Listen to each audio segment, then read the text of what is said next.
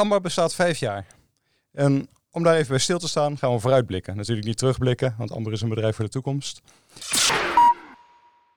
En ik, Marien ten Houten, zit hier met Carlo van der Weijer. Carlo van der Weijer is vanaf het allereerste begin, nog voordat we Amber heten, een van onze uh, adviseurs en een belangrijke steun. En wij gaan praten over de stad van de toekomst. Carlo, welkom. Ja, hallo. Wat we zien is, uh, verkiezingen komen eraan en woningbouw is echt een van de grootste thema's. Alle partijen roepen, we moeten meer huizen bouwen. Uh, de grote vraag daarbij is dan, hoe dan? Woningbouw en mobiliteit gaan samen. Want als mensen ergens wonen, vaak werken ze daar niet. Dus ze moeten bewegen. hun vrienden wonen niet altijd naast de deur. Wel een goede buur beter is dan een verre vriend. Komt een verre vriend toch ook voor? dus ik wil even kijken, even met jou onderzoeken, wat nou de impact gaat zijn van die miljoen huizen die we bouwen. En ik heb me een beetje laten leiden door, door wat verkiezingsprogramma's. Dus ik wil beginnen met, uh, met twee extreme. GroenLinks zegt, we moeten de A10 West in Amsterdam opheffen. Daar kunnen we heel veel mooie huizen bouwen. Bovendien kan er meer omheen gebouwd worden, want geen snelweg, minder lawaai, uh, beter wonen. Ja 21 roept, we gaan een nieuwe stad bouwen voor 100.000 mensen. Wat, als je gewoon heel hard zwart moet kiezen, is het beste idee? Dan, als ik moet kiezen, dan zou ik die eerste kiezen. Van die steden die, die, die top-down worden ontwikkeld. Uh, er zijn genoeg van dat voorbeelden in Korea en in Brazilië. En uh, dat, wordt nooit echt gezellig. En uh, wat dat betreft zie je toch wel dat, dat, ja, dat automatisch ons evolutionair om, om gebouwde steden die, die gewoon ontstaan. op een of andere manier wel die menselijke maat hebben. Dat lukt bij een nieuwe stad bijna nooit. En ja, die A10 natuurlijk gaat veel verkeer overheen. En uh, ja, dat, dat wordt automatisch minder als hij er niet meer is. Dat kan ik je voorspellen. Uh, jij, zei in inleiding van ja, mensen werken niet waar ze wonen. Uh, daar wil ik toch wel eens. dat is wel een essentieel iets. Volgens mij werken heel veel mensen wel waar ze in de buurt wonen. En als dat niet zo is, dan kunnen ze dat zelf veranderen. Natuurlijk zijn veel mensen met twee mensen die niet allebei in de buurt werken. Maar er is nog zo verschrikkelijk veel te optimaliseren dat wij iets dichter bij ons werk wonen. En andersom ook dat we ons werk naar ons naar onze woning halen. Met steeds flexibeler werken en zo. Dat, dat, dat kunnen we steeds beter. Dus ik zou niet zomaar zeggen dat die harde. Ja, dat dus tussen werk en wonen en, en, mobiliteit is, is een hele belangrijke relatie. Maar die is veel flexibeler dan iedereen maar automatisch aanneemt. En dan is het dus verstandiger om meer te gaan bouwen waar het werk is. Want in Amsterdam is werk dan om bedrijven te gaan verlokken om naar een nieuwe stad te gaan om daar werk te creëren. Ja, ik zou toch ook ik zou niet overschatten dat, uh, dat dat werk ook best ergens anders te doen is wat er in Amsterdam gebeurt op dit moment. En uh, daarmee zou ik vooral bouwen daar waar mensen willen wonen. En dat werk past zich daar automatisch op aan, voorspel ik. En als dat elke dag in de file is, zullen mensen zich aanpassen. En waar blijft het verkeer van de, de A10 dan? Want je zegt uh, om, over de A27 uh, heb je in een column gezegd van ja, als je meer wegen bouwt, komt er meer verkeer. Maar werkt het de andere kant op ook? Als we gewoon deze weg opheffen, verdwijnt er dan verkeer? Ja, dat klopt. En dan, krijg, komen ook wel problemen bij. En sowieso hier naar knooppunt. En uh, nou, de Amsterdam heeft nu een grotere ring. Dus uh, het zou wel heel lastig worden, denk ik, dat plan. Maar ik mocht maar uit twee kiezen. En uh, die grote ring die zal dat best wel weer opvangen. Okay, nou, maar het gaat inderdaad om de fundamentele vraag. If, they, if you build it, they will come geldt voor, uh, voor snelwegen. Ja, dat klopt wel. Ja. If you break it down, they will leave. Ja, natuurlijk zou dat ook een relatie moeten zijn. Is, uh, nee, dus dus nee, ik ben niet zo bang om. Uh, ik, ben, ik ben sowieso, dat weet je, hè, dat, dat, dat, dat ongebreidelde uitbouw en meer capaciteit, daar ben ik een tegenstander van. En alle clichés dat Nederland vastloopt als we niet weer ergens iets aan uitbouwen en zo, dat, uh, ja, dat nadert echt het belachelijke zoals dat soort argumentatie wordt gedaan. Dus dat clichés, daar wapen ik me, dat, dat, weer ik me behoorlijk tegen. Oké. Uh, we staan ook aan de vooravond van de zelfrijdende auto. Uh, op de snelweg kan je je auto al redelijk aanzetten dat hij uh, gewoon ja. doortuft. En als je dan even wat sms'jes leest, dan rij je niet zomaar ergens tegenaan. Dat gaat hopelijk allemaal nog beter worden. Heeft het alleen maar voordelen of zien we straks overal lege autonome auto's rondjes rijden zodat je niet hoeft te betalen voor parkeren? Ja, dat, dat, dat laatste is wel een schrikbeeld inderdaad. Omdat het rijden inderdaad goedkoper is dan het, dan het parkeren. Ja, dan ik denk niet dat het zo ver komt, maar dan heb je echt een auto die je zonder chauffeur wegstuurt. En dat is iets verder weg dan een auto die compleet uh, die jou ondersteunt en voorkomt dat jij, uh, dat je stomme dingen doet. Dat vind ik een van de belangrijkste uh, ontwikkelingen. Dat maakt een auto vooral comfortabeler, maar daarnaast ook veiliger. En dat zijn drijfveren. Dat kun je uitleggen dat we daarin moeten investeren en dat we dat ook echt willen. Waarom we auto's zouden willen die echt zonder chauffeur, dus zonder een eindverantwoordelijke rondrijden, dat zal best kunnen op een gegeven moment. Alleen denk ik dat dat niet tot een beter systeem leidt. En, en dat is wel heel belangrijk, dat er niet, dat er niet echt een hele grote marktbehoefte is. Dus dat vergt een enorme hoop ontwikkeling en heel veel wetgeving en aanpassingen. En dat is allemaal mogelijk als er genoeg markt voor is. En ik denk dat er niet genoeg markt voor is. Maar zou je dat juist in de stad niet willen? Want nu wil iedereen nog steeds zijn auto voor de deur parkeren. We zien allemaal hele mooie uh, grachten, pittoreske straatjes met aan twee kanten auto's. Mhm. En dat, dat begon erg op te vallen nu in de coronacrisis. Nu mensen ja, toch vertier dichter bij huis zoeken, meer uh, in hun eigen buurt zich vermaken. En dan zitten ze daar tussen het blik. En dan is de vraag, moet er ruimte zijn voor mensen of voor auto's? Ja, en wat, wat jij voorstelt is dat jij je af laat zetten bij je huis en dat die auto dan zichzelf gaat parkeren. Ja. Ja, dat vind, vind ik wel een optie, maar als dat zichzelf parkeren dan inderdaad door een stad gaat, dan, dan krijg je een gridlock van je stad, omdat er ineens twee keer zoveel auto's zijn. Mensen zullen nog eerder genegen zijn om toch een auto te kopen. Eh, want het, je bent weer een probleem aan het oplossen. En uh, volgens mij kun je zo op een papiertje, uh, een sigarendoos uitrekenen dat dan die stad compleet vol loopt met zelfrijdende op naar een parkeerplaats zoekende auto's. Waarschijnlijk doe je dat ergens buiten de stad. Wat dan een gigantisch parkeerterrein wordt, denk ik. Dan zou ik zeggen, en lijkt mij veel beter, om die auto beter te verstoppen. In een weliswaar dure parkeergarage. Maar dat lijkt mij onder de streep een betere oplossing. Uh, waarvan ik ook overigens wel vind dat die auto-eigenaar dan zelf dat moet betalen. Uh, lijkt me een betere oplossing dan ze ergens buiten de stad te laten parkeren en dus twee keer zoveel kilometers laten maken met twee keer zoveel verkeer. Is dat zo? Want nu is 30% van het verkeer in de stad zoekverkeer, zo heb ik gelezen. Dus dat, dat is best veel. Terwijl je zou denken dat een autonome auto die data krijgt, vandaar is de parkeerplaats veel directer en efficiënter ja. uh, zichzelf uh, gaat parkeren ergens. Ja, maar dat kan ook als je niet zelfrijdend is, toch? Of? Ja, je zou ook gewoon maar... kijk, mensen zijn heel eigenwijs. Die rijden dan liever drie rondjes om te kijken of er een plek in de buurt Ja, nee, ik ken het, ik ken het. Ik ben er een van, ja zeker. Ja, nee, Over die 30 procent, ik geloof me, als je kijkt, alle kilometers in de stad wordt gemaakt en ook eh, de tijd dat jij zelf, dat mensen zelf in de stad rijden, is daar 30 procent van. Al die uren dat jij in steden rijdt, ben je daar zoveel uren mee kwijt met zoeken. Dat, volgens mij zijn dat schromelijk overdreven statistieken die ik nog nooit wetenschappelijk heb uh, onderschreven. In bepaalde wijken in binnensteden kan ik best geloven dat er zoveel zoekverkeer is. Maar het is geen 30% van het complete verkeer in, uh, in steden. Dat, uh, dat, daar, daar wil ik niet aan. Oké, nee, ik heb de onderbouwing ook niet op zich uit eigen ervaring in de binnenstad. Maar kijk, wat, wat, wat, je zegt, even terug naar die vraag van is het, is het niet schadelijk dat autonoom rijden? Dat, dat denk ik wel, omdat het deels, en dat, daarom denk ik ook niet dat er op een gegeven moment behoefte is of dat we het moeten willen als maatschappij, maar ook niet dat er echt een marktbehoefte aan is om het verder te brengen dan het, grote comfortstuk waar ook het gevaar in zit. Want als ik bijvoorbeeld in een file, als die, mijn auto rijdt nu al zelf in de file, sinds ik dat heb, vind ik de file niet meer erg. En vertoon ik dus minder file ontwijkend gedrag. En ben ik nog minder genegen met het openbaar vervoer te gaan. Omdat ik ja, dat voordeel van het openbaar vervoer dat je kunt werken, heb je nu dadelijk in de file in ieder geval ook alvast. Ben je bijna even welkom dat er een file is. Als je dadelijk ook nog die lange uh, stukken autobaan, die, die saaie stukken, hè? Als, je, als je auto ook zelf gaat rijden, ja, dan, dan wordt de auto dus nog aantrekkelijker dan die al is. En dan krijg je nog meer verkeer die nog minder file ontwijken in het gedrag vertoont enzovoort. Dus dat gaat geen verbetering zorgen. En gaan mensen niet ook meer stomme dingen doen als die auto veiliger wordt? Hè? Met autogordels zijn mensen harder gaan eh, rijden. Ja, dat ABS zijn mensen harder gaan rijden. Ja, ja iedereen zegt kun beter een, in plaats van een airbag kun je beter een mes op het stuur binden, zodat uh, mensen voorzichtig gaan rijden. Dat is, dat is die risicocompensatie. De auto wordt veiliger, dus ik kan maar iets onveiligers doen. En uh, ja, dat is waar. En dat is bij de ene techniek wat meer aanwezig dan bij de andere techniek. Bij ABS bijvoorbeeld is nog steeds de discussie van is dat onder de streep nou beter geweest? Ja, ik, ik ben zwaar overtuigd en alle onderzoeken laten ook wel zien dat ja, er is risicocompensatie, maar onder de streep zijn al die, die, die uh, technologieën veel, veel, veel veiliger. Anders moeten we inderdaad terug naar de houten wielen, want dat was een van de grootste. Toen we rubberbanden hadden, kon de auto veel harder remmen, wat betekende dat wij veel harder konden rijden.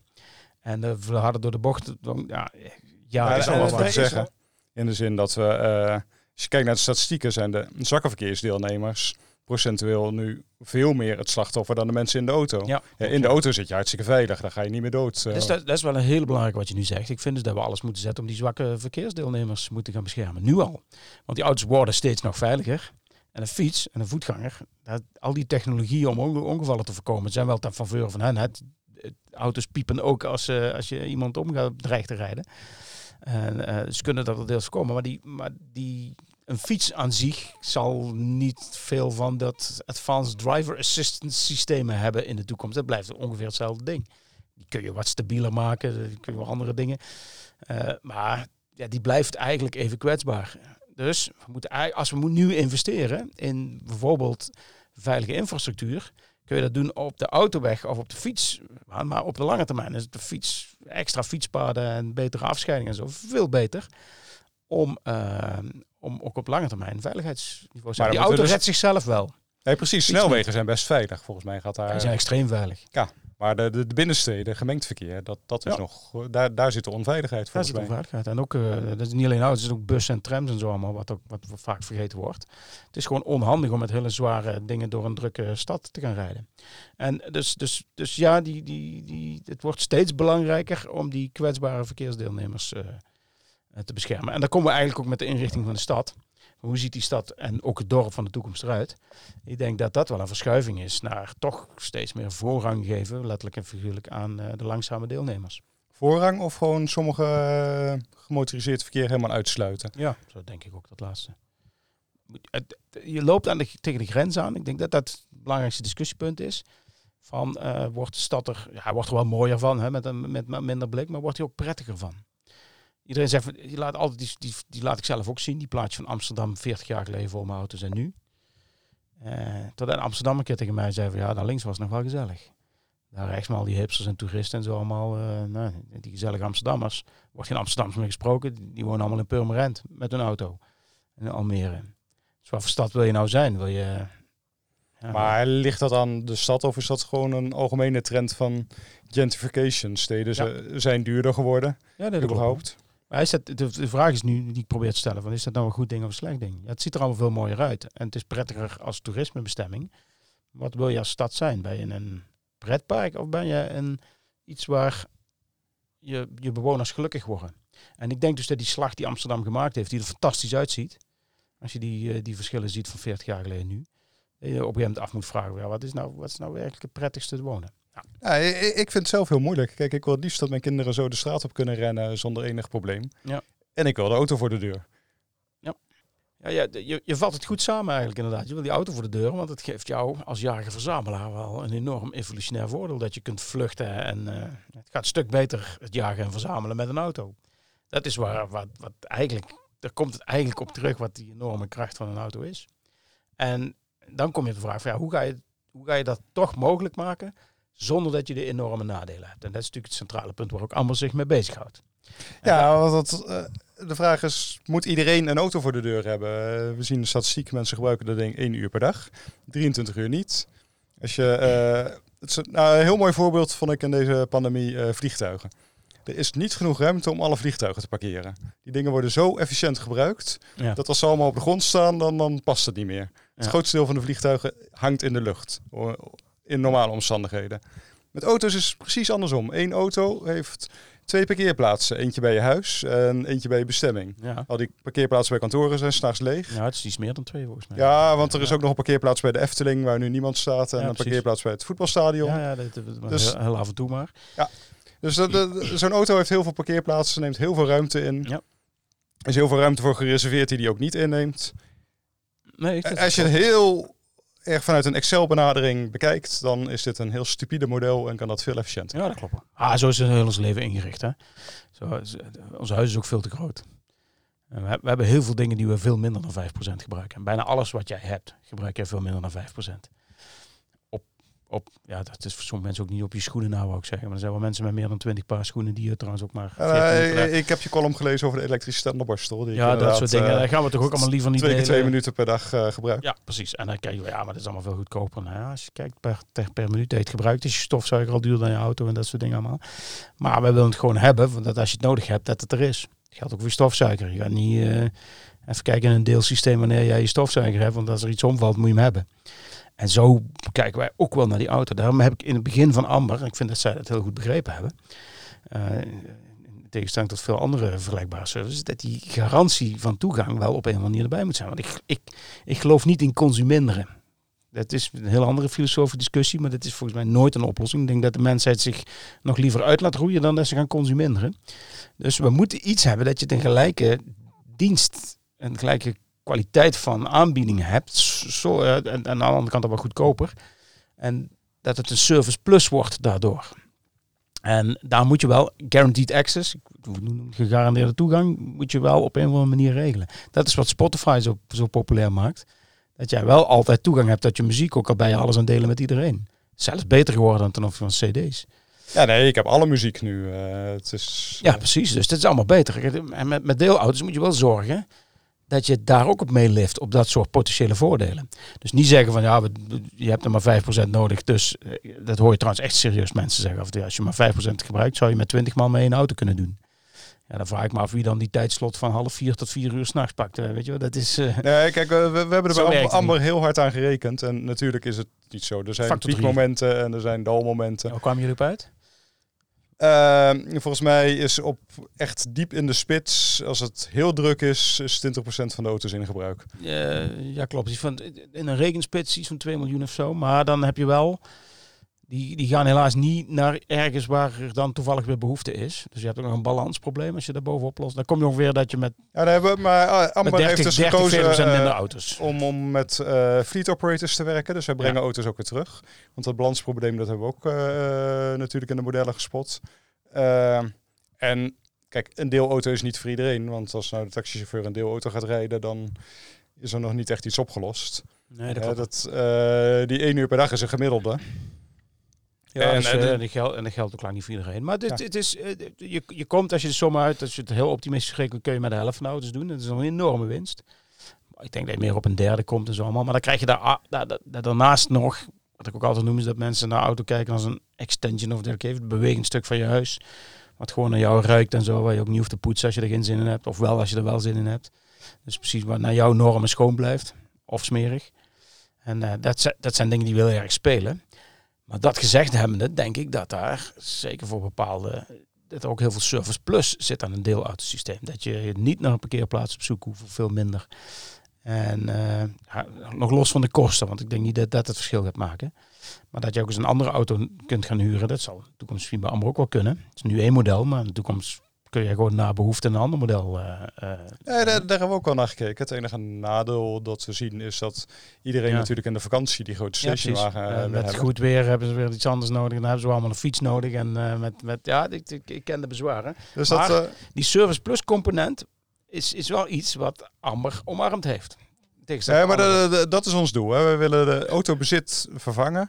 En zoals je zegt, een van de belangrijkste dingen bij autobezit is emotioneel. Dat ding dat staat voor de deur. Als je hem nodig hebt, dan kan je weg. Uh, en uh, ik probeer daar heel dichtbij te komen. En dan is de andere kant. is, uh... Kijk, een autobezit is ook een last. In de zin dat ding dat moet naar de garage. Ja, gaat dus stuk, het, mag iets, het mag iets minder worden, omdat je dat, dus dat onderstrepen service plus is. En dat is, de, dat is bij, bij Amber altijd ja. het, het uitgangspunt dus geweest. En als je dat niet doet, dan gaat het niet werken. Want als ik, zoals ik zeg, consuminderen is, is een ijdele hoop dat dat ooit ergens iets gaat brengen. Nee, maar eh, onze ambitie is ook niet dat mensen een stap terug moeten doen in mobiliteit. Precies. Dat vind mensen ik, moeten gewoon ja. slimmer zijn met de mobiliteit. Dus daarom ook elektrische auto's al vanaf dag één. Uh, want je wil niet die, die fijnstof allemaal in de, in de stad gaan uh, uitspuwen. Uh, opgeladen met groene stroom.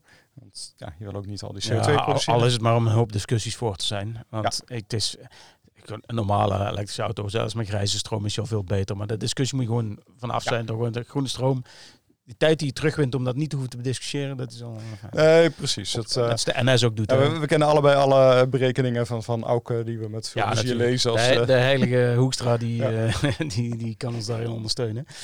Maar dat, uh, nee, dus, dus, dus ben ik het helemaal eens. Terug, dat, dat guaranteed access en zo, om niet een stap terug te moeten doen in comfort. Want want ja, je hebt, je hebt een groeiend comfort bij auto's. Auto's worden goedkoper en comfortabeler en beter. En het grote probleem in de toekomst, het hele mobiliteitsprobleem, wordt ruimte. En daarom is het goed dat je thema kiest voor de, de stad van de toekomst. Hoe ziet die eruit? Ik denk dat we zeker ook moeten kijken naar de dorp van de toekomst. Waar gaan we die miljoen woningen doen? Uh, kijk, als je kijkt naar de behoefte die er is, het zijn wel steeds meer mensen zonder kinderen. Er, er zit groei in. Uh, in steden zijn het vooral expats. Wordt wel eens anders. Kijk, Am Amsterdam groeit heel hard. Maar het aantal Amsterdammers en gezinnen wordt minder. Het groeit met expats en shortstayers en zo. Wat ook weer een link heeft naar mobiliteit. Want mensen die voor drie jaar naar Amsterdam komen, ja, die gaan geen auto kopen. Of je bent gek. het zijn vaak mensen die geen geldig rijbewijs hebben. Hè, de studenten of zo. Nou, dat, dat is dan weer een uitdaging voor ons. ja, dat is, dat is inderdaad wel, dat is wel een goeie. Maar dat, dat, dat is wat de stadbevolking denkt. Ik niet eens behoefte. Die hebben ook geen ecosysteem buiten de stad waar ze naartoe willen reizen. En dat is dus dat is type stad. Ik denk, ik voorzie wel weer een, dat ook vooral de dorpen groeien.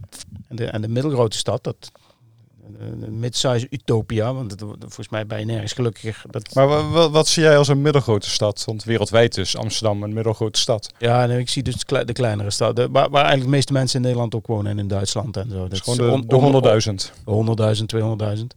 Daar wonen in Engeland en, nu- en eigenlijk alle Europese landen. Eh, als je even die één, twee grote steden, wat de meeste landen hebben. Nou, na Parijs komt ook niks. Ja, dan heb je er twee en dan is eh, dan heb je allemaal steden van een paar honderdduizend mensen. Daar wonen de meeste mensen. Dat, eh, en dan zijn de mensen ook op zijn gelukkigst. Ja, maar dat is wel precies de markt waar we met eh Amber naar is- kijken. dat- want we zijn heel sterk hier in, in Eindhoven. Net uitgebreid naar Tilburg, Den Bosch. Met dat je gewoon in de Ja. hele stad mag parkeren en de auto kan ophalen. Dus dat, dat is dat formaat steden. En ook vanuit de overtuiging dat het daar moeilijker is om OV te realiseren. Want de dichtheid is lager. Mensen wonen verder uit elkaar. Kijk, in, op Manhattan moet je niet met deelauto's gaan beginnen. Daar moet je gewoon eh, de metro instappen. Dat, dat zit vol. Nou, Ja, dat- dat nou, gaat de ook auto voor- die de meeste voor- mensen uit Manhattan dan net bij de rand hebben geparkeerd. Hè? Ja. Ja, eh, al- als ze inderdaad eh, Ja, echt de stad willen verlaten, maar die gaan dus met de metro naar, naar een auto toe. Naar een auto toe en die staat 99% van de tijd stil. Ja, Ja, als ze een auto hebben. Hè. Dat, dat is natuurlijk Ja. daar. ja, in autogek Amerika is, is Manhattan een behoorlijke uitzondering. ja klopt. Ja. Eh, hetzelfde geldt voor Londen. Eh, Als je echt in Londen woont, eh, is een auto ook meer een last dan een, een lust. Ook daar is een deelauto niet de oplossing. En klopt, en in de steden zie je ook dat, dat, dat nou, trouwens valt eigenlijk wel tegen. De statistieken van mensen zonder auto in de steden, die, die het groeit niet echt heel hard. Ik dacht dat het harder zou groeien, zeker met, met die, die expat en, en, en meer studenten trends die je ziet. Desondanks vind ik, vind ik de statistieken nog wat achterlopen op de verwachting. Goed, je gaat, mensen die uit Amsterdam trekken, gaan er ook vaak uit omdat ze weer een gewoon leven kunnen hebben met een auto en met alles. wat- Ja, wat en, en auto is gewoon het belangrijkste mobi- eh, Ja. mobiliteitsmiddel. Hè. Het is, Wel, wel in kilometers hoor. Dus niet in, je moet even niet in een aantal ritten. Hè. Dat nee, in dat rit de is het de fiets. is de fiets. En ook in verblijftijd, wat je eigenlijk naar moet rekenen, is eh, die fiets ook stukken belangrijker dan, eh, dan, dan, als je op, als je, dan als je naar kilometers kijkt. Maar ja, met, met de fiets bezoek je niet je ouders die nog in dat dorpje zijn blijven wonen. Dat wordt toch af en toe moeilijk. zelf ook woont. Hè. Maar, Ja, oké. dus dat, eh, maar de- dat is precies de doelgroep voor, eh, voor de amberrijden. ja, Ja, precies. de de Ja, ja, mensen ja, die dus- in de stad wonen gewoon Ja. 80% met de fiets kunnen doen. Eh, een Ja, deel met. OV kunnen doen. Maar ja, Nou, af en toe wil je ook naar Veghel. Nou, is een punt wat ik altijd roep is dat dat inderdaad een heel interessante niche is. Maar ik denk wel dat het, dat het de niche niet zal ontstijgen. ja, hangt er vanaf wat je een niche noemt. Ik denk natuurlijk als, als een van de oprichters van Amber dat er heel veel toekomst in zit. Ja, dat ik denk ik, ga dat, dat denk absoluut ik niet beweren dat alle mobiliteit gaat deelauto worden. Dat Nee, nee, nee. me maar- hoe significant is dat stuk van de total miles driven en zo? Maar dat krijg je. Maar kijk, mensen geven 13% van hun inkomen, tussen de 13 en de 15, 16% van hun inkomen aan mobiliteit uit. Dat is een constante over de hele wereld. Dan zeg je, ja, Japan niet, dat is maar 7%. Maar dat legt de staat ongeveer 8% bij je om het hele openbaar vervoerssysteem neer te leggen. Dus je komt bijna altijd neer op die 13 tot 15%. En dat geeft dus aan wat de economie is. 13% van de hele wereldeconomie. Van die 700 triljard of zo, wat, eh, wat de hele wereldeconomie is. 70 triljard. 13% daarvan is eh, wat je kunt verdienen op mobiliteit. En als je daar eens 0,01% van pakt, dan. Dan is dat een Maar ik- heel groot Dus, bedrag. dus Ja. dat- daarom zeg ik ook wel, ik denk dat, het, dat er zeker een interessante marge is. En we, be- we beschreven net al eh, de, de cases. Mensen die in de stad wonen en toch wel eens even buiten de stad willen zijn. Ik denk ook, en dat is een hele andere marge is, of een heel ander in, in, in, eh, interessant gebied, is de tweede, derde auto. Eh, want die eerste auto, dan kom je weer terug op dat vluchtreactie, beschermmiddel, rotzooi, opslag, ding. Alles waar, wat die auto's aantrekkelijk maakt. Eh, dat- ik denk dat je die eerste niet zomaar vervangt. Wel in die cases die we net zeggen, met stedelijke bewoners. Maar de meeste mensen zal niet zijn. Maar als je de tweede, derde is in een deelauto gaat doen. Dat is heel interessant. Want ja, dan heb je in ieder geval toch wel je, je vluchtding voor de auto staan. En voor die paar keer dat je even een dag uh, vastzit en een extra auto nodig hebt. Dat vind ik ook een heel interessante. Dus ja, maar die, die markt die zien we ook uh, behoorlijk ontwikkelen. En hier in Eindhoven hebben we een aantal nieuwbouwwijken ook al heel vroeg ambers neergezet. Want je ziet ook wel, kijk, mensen gooien niet zomaar een auto de deur uit. Dus een verhuismoment is een mooi moment waarop ze naar mobiliteit uh, gaan kijken. En in die hele kosten, want een van onze andere onderdelen van de filosofie is dat als je betaalt voor gebruik, ga je veel slimmer kiezen. En mensen die een auto voor de deur hebben, die gaan met de auto ergens naartoe. Ook al zou OV qua tijdsbesteding uh, of de fiets een, een, slimmere keuze zijn. Maar dat ding staat voor de deur, de vaste lasten zijn betaald, uh, de variabele kosten zijn beperkt. Ja. Als je gewoon alles per kilometer zou afrekenen, van, van step tot en met vliegen, dan zou je denken dat mensen slimmere keuzes maken. Maar is dat ook zo? Ja, dat weet ik niet zo. Ik, heb, ik, ben, ik ben pas in het rekeningrijden dossier. Want dat zou dan de, het, het, het hel voor alles zijn. En alle, alle politieke partijen zijn het nu mee eens.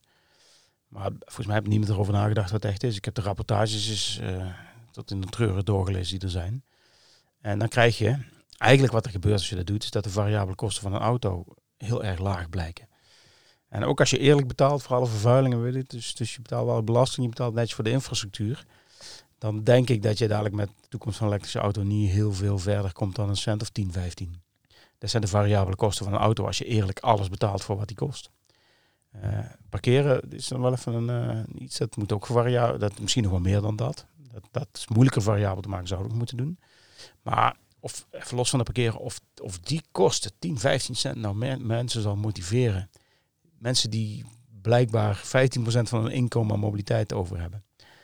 Eh, voor, voor mobiliteit over hebben. En eh, ja, 10, 15 cent mensen dan gaan bewegen, dat zijn nu ook de variabele kosten die je eigenlijk nu al hebt met een benzinewagen. Maar moet je dan met rekening rijden niet echt marktwerking doen? Ik snap nooit dat de VVD altijd zo daartegen zit. Dat je, als je s'morgens om half negen van Eindhoven naar Amsterdam wil zonder file, dat je daar gewoon 100 euro voor betaalt. Want ja, dan koop je uh, een filevrije strook. Ja, maar dan moet je wel even uit kunnen leggen waarom dat 100 euro zou moeten kosten. Nou, omdat je dan op het moment dat de vraag hoog is, wil jij door kunnen rijden. Ja, dan doe je een hele dure strook, een middeldure strook en een goedkope strook. Heb je veel tijd, ga je op de goedkope strook staan. En dan zijn de file. Ja, ik, ik, ik, ik ben voor als we een eerlijke prijs vragen. Uh, ik denk niet dat die 100 euro is, dat is de essentie. Maar dan moet je dat ook met andere modaliteiten doen. Hè? Dan moet je ook de trein eens de eerlijke prijs gaan vragen. En de fiets ook, dat doen we al. De fiets zou iets, iets goedkoper worden, want die, die maakt ons allemaal zo gezond dat, uh, ja, dat, dat, uh, dat, dat, dat zich wel terugbetaalt. Maar de essentie is dat die eerlijke prijs volgens mij niet groot genoeg is om mensen de auto uit te trekken. Dus daar heb ik heel weinig hoop op dat rekeningrijden tot iets zal leiden. Bovendien vind ik nou een extra kwalijk iets, dat als je alles variabel maakt, dat de aankoop van een auto veel goedkoper wordt, zodat mensen nog meer auto's gaan kopen. Dan moet je echt eerst zorgen dat je het stil laten staan van een auto ook hoger gaat Ja, maar dat, dat, dat uh, op uh, de correspondent heeft ooit een hele mooie column gestaan van iemand die wilde een moestuintje hebben die dacht, nou, voor 50 euro uh, per maand uh, kan ik die, die uh, 8 vierkante meter krijgen. Dus doe mij die maar. Maar ja, dat is alleen als je een auto parkeert. Ja, dat klopt. Dat klinkt niet heel eerlijk. Nee, die, eigenlijk moeten we allemaal een eigen parkeerplaats voor het huis hebben. En moet die aan de, aan de werkkant door het werk worden betaald. Ook echt de kosten. Nou, dat is al meestal zo trouwens. En moet de, degene in de stad ook gewoon voor betaald worden. En als je een niveau hoeft te betalen, ja, dan moet, dan moet de, de retailer het op een of andere manier opleveren. Maar we moeten echt naar eerlijke parkeerprijzen. Maar de eerlijke rijprijzen zijn denk ik te laag om mensen werkelijk de goede kant op te sturen. Of ja, de vraag is, waar was de goede kant op een gegeven moment nog? Uh, ja, dan kom je gewoon bij het dilemma uit dat we wel graag die auto in de buurt willen hebben. En ook groen in de buurt en leuke speelruimte voor de kinderen. Uh, ja, dan wonen we daar toch wel allemaal in het dorp. Ja, of zoals een makelaar ooit zei, het ideale huis is een boerderijtje op de Dam met uitzicht op zee. Ja. Maar dat, dat is toch een, een uh, heel moeilijk iets. Het was pas in te koop voor 7 miljoen op de Dam. In ieder geval het formaat van een boerderij was zo hoog dat je de zee net zag. Ei. Oké, okay, voor 7 miljoen man. Ja, dat kan. Dat is, dat is het ideale huis. Ja. Dat kost ja. 7, nee, 11 miljoen. Ja. 11 miljoen. Ja, dat was wat werd schande over gesproken. Ja, nou, dat is dus inderdaad het ideale huis. En als dat 11 miljoen kost, ja, dan, dan zei dat zo. Dus dat geeft die makelaar gelijk. Maar kijk, waar, waar, waar, zijn de mensen gelukkigst? Dat is toch wel waar je voldoet aan dat soort uh, dingetje waar je net noemt. En, dat is, en dat is een, volgens mij heeft dat geleid tot een redelijk plat stadmodel wat wij hier in Europa hebben ontwikkeld door de evolutie.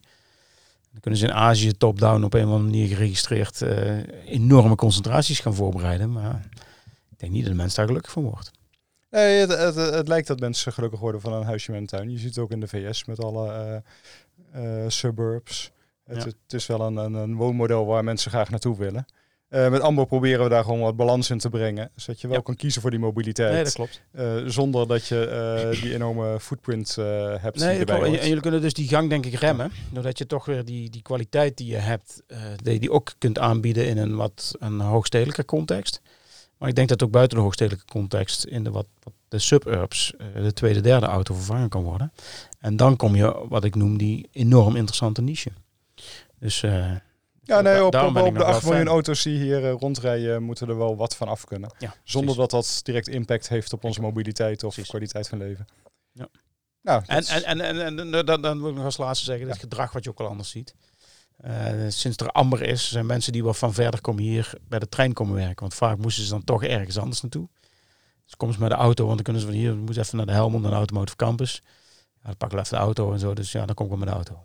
Nu komen ze toch wel met openbaar vervoer en kunnen ze dat stuk dan met de amber doen. Of ze komen met de fiets als ze hier in de buurt wonen.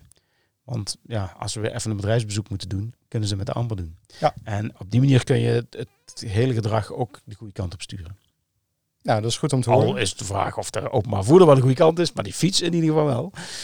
Ja, Dus, ik denk eh, dat alle mobiliteitscomponenten horen erbij. Ook het OV. erbij, ja. Maar laat, laat het een eerlijke strijd zijn. Geef ze allemaal een kans. Want eh, er kunnen geen duizend bloemen eh, bloeien, maar toch wel heel wat meer dan twee. En, eh, en ik zie Amber eh, wel, wel, wel, wel bloeien in de toekomst, ja. Oké, dat is ik, fijn ik horen. blijf er trots op. Eh, en hartelijk dank voor, eh, voor dit mooie gesprek. Enorm graag gedaan. Dank voor het luisteren naar deze podcast. Voor meer informatie over Amber, ga naar drivember.com.